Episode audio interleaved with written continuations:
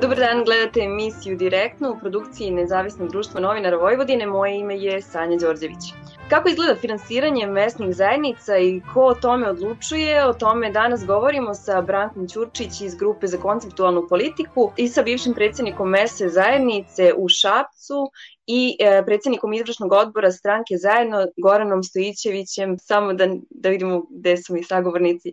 Tu smo. Dobar dan, dobro nam došli.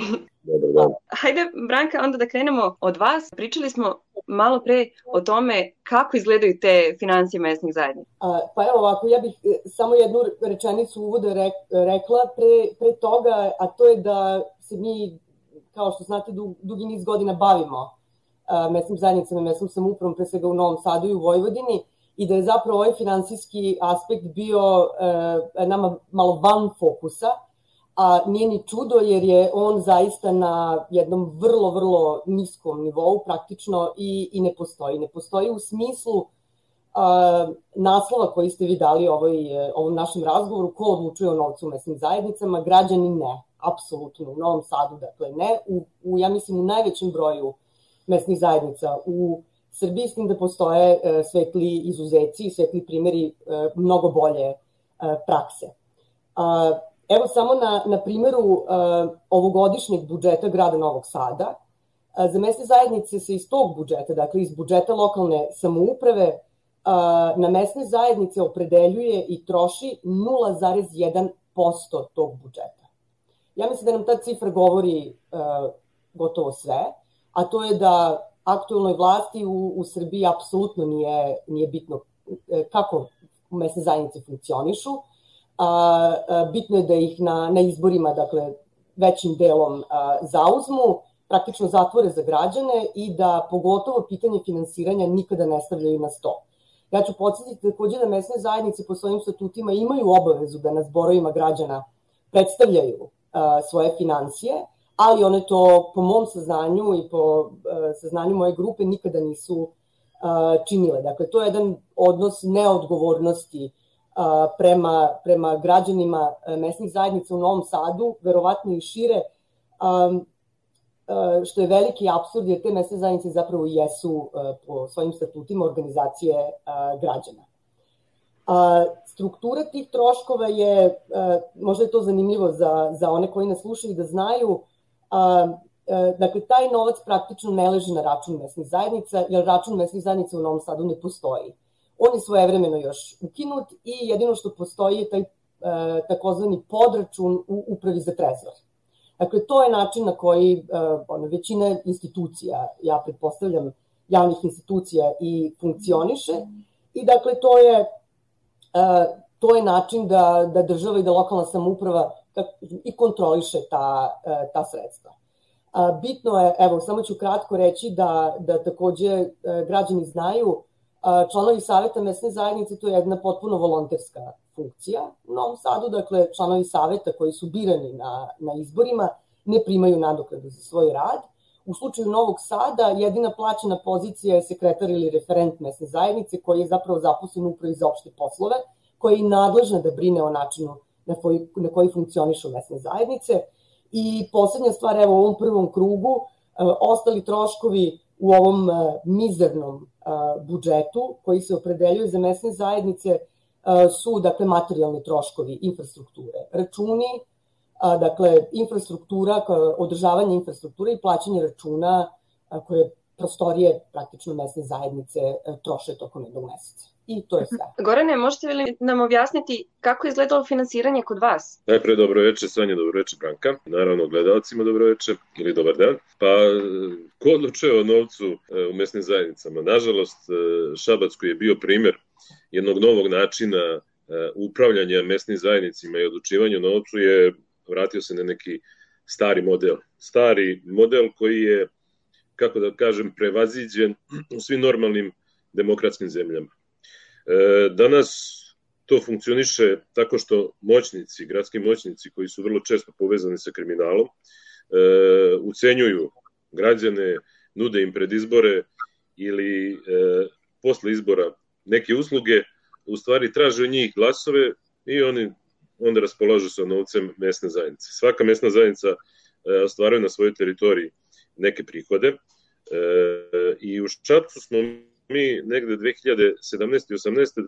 došli na ideju da e, sve što se od poreza na imovinu e, ostvari prihod na teritoriji mesne zajednice, da građani sami raspolažu sa tim.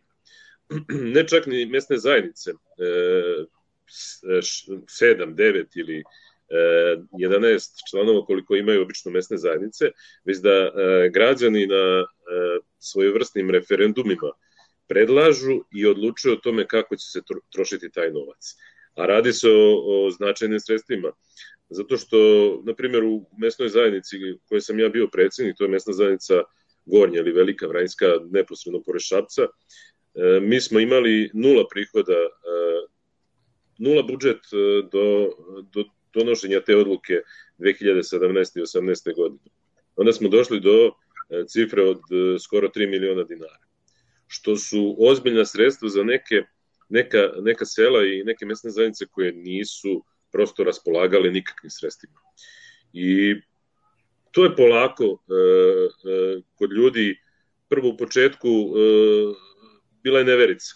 Ko će sada nekog da pita, obično građanina, koga u Srbiji niko ništa ne pita do, do izbora, kako će da troši neka sredstva. Znači, ljudi prvo to nisu verovali.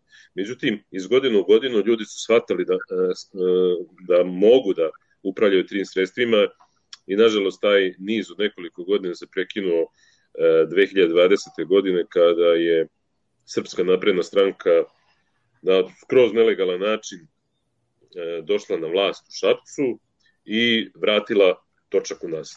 Tako da je to nekako prosto e, samo detalji funkcionisanja i finansiranja mesne zajednice u Šapcu.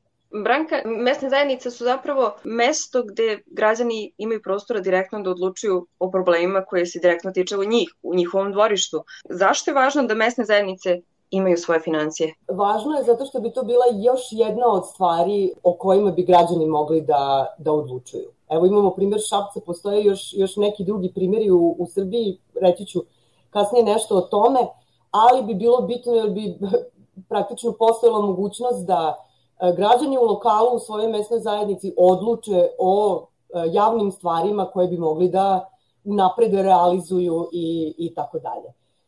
Ja bih žela da kažem još jednu stvar koja je jako bitna, a to je da iz našeg iskustva rada sa, sa građanima mi vrlo dobro znamo da oni a, nedostatak budžeta a, mesnih zajednica, dakle tog novca kojim ona E, faktički ne raspolaže, e, oni to izjednačavaju sa nemoći mesnih zajednica. Dakle, ako nema novca, to je jednako e, odsustvu moći. Mi mislimo, naravno, pričali smo o tome više puta da postoje dakle, politički kapaciteti mesnih zajednica i mnogo, mnogo instrumenta i načina na koji građani mogu da, da učestvuju kako bi zapravo a, a, a, svoje zahteve a, izneli, artikulisali i a, učinili a, recimo zaključkom, a, oficijalnim zaključkom mesne, mesne zajednice.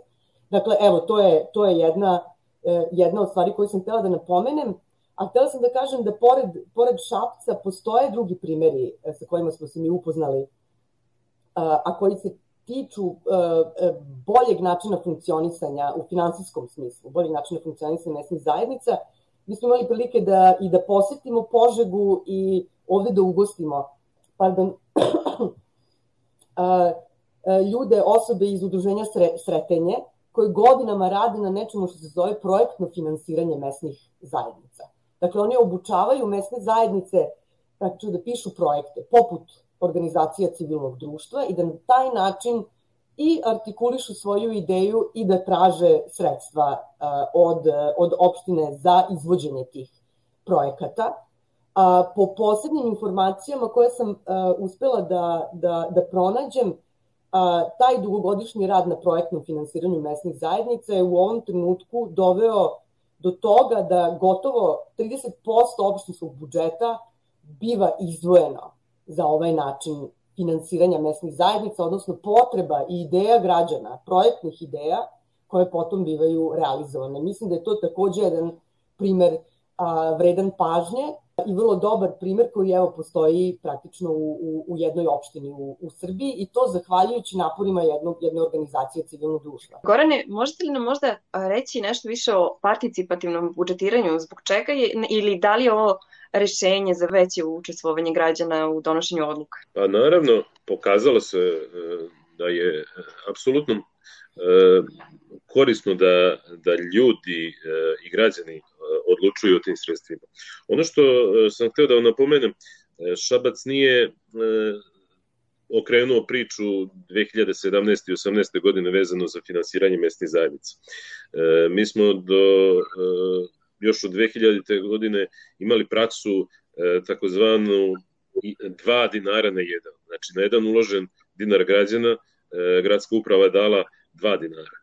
I to je stvarno isto imalo odličan efekat u, u vremenima kad nisu bile asfaltirane ulice, kad nisu e, nije bilo ulično osvetljenje. E, ljudi su vrlo rado e, učestvovali u tim akcijama i e, učestvovali sa tim jednim dinarom, figurativno, naravno, tu su bilo mnogo veća sredstva.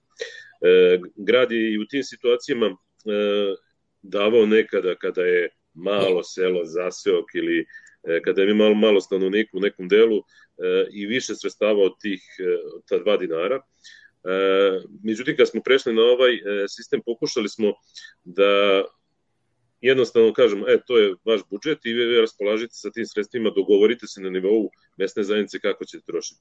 Ali smo se ipak vratili i na onaj e, sistem 2 na 1 dinar. S tim što su građani sada skupljali opet taj 2 na 1 dinar, da ne bi multi, multiciplirali e, ta sredstva, dobijete 2,5 e, miliona, pa vi tražite od e, gradske uprave još 2 dinara na to, znači još 5 miliona.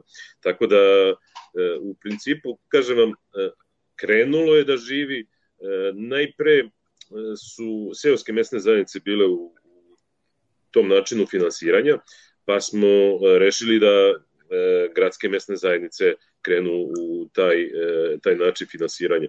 Obzirom da je grad urbana sredina, da vrlo malo stvari nedostaje kao što nedostaje na, na, na selu. Tako da, kako da vam kažem, jedan dobar primer kako su građani bili uključeni u to. 2020. godine na nivou celog grada su se mesne zajednice e, dogovarale da čak isfinansiraju od tih sredstava e, izgradnju e, otvorenog bazena. Akcija je prošla, građani su predložili to, ali većinom se nisu odlučili za, za, za trošenje tako sredstava, ali to je demokratsko pravo građana da predlažu i da odlučuju o tome, tako da je to bilo skroz korektno kako su se ljudi prosto E, nadmetali u svojim predlozima skupljanju tih potpisa da bi se našli na listi i da bi e, građani Šapca odlučivali. Branka, svakako to je novac građana na ovaj ili onaj način i taj, taj novac koji oni doniraju i novac koji daju, koji se daje iz budžeta ovaj, opštine ili grada.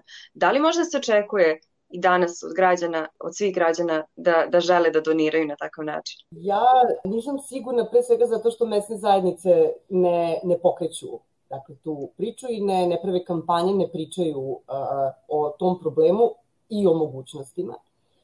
A, takođe sam malo sumnjičava i zato što je, e, pored ovih primera, dobrih primera o kojima smo e, govorili, e, ukupan trend odnošenja vlasti e, i relacije vlasti prema mesnoj samoupravi i mesnim zajednicama je negativan. Dakle, situacija je, ja mislim, sve lošija i, i lošija.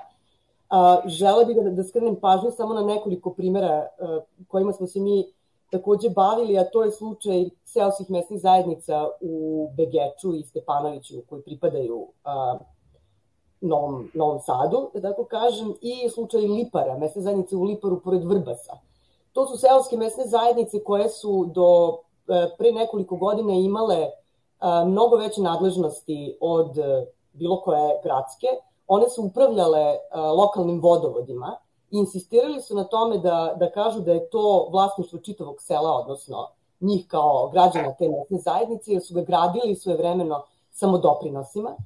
Međutim, odlukama, to su lokalni vodovodi, groblja i tako dalje, i mogućnost zapravo za, za mesne zajednice i za građane koje sede u njihovim savjetima da a, brinu o održavanju tog lokalnog vodovoda, da imaju mogućnost da prikupljaju dakle, novac od građana za za trošenje te vode, za, za održavanje seoskog e, groblja, ali pre nekoliko godina je taj sistem je potpuno centralizovan i zapravo je, su lokalne samouprave, pogotovo ovde ova Novosadska, su zahtevale od tih seoskih mesnih zajednica da predaju te nadležnosti javnim i javno, javnim komunalnim preduzećima.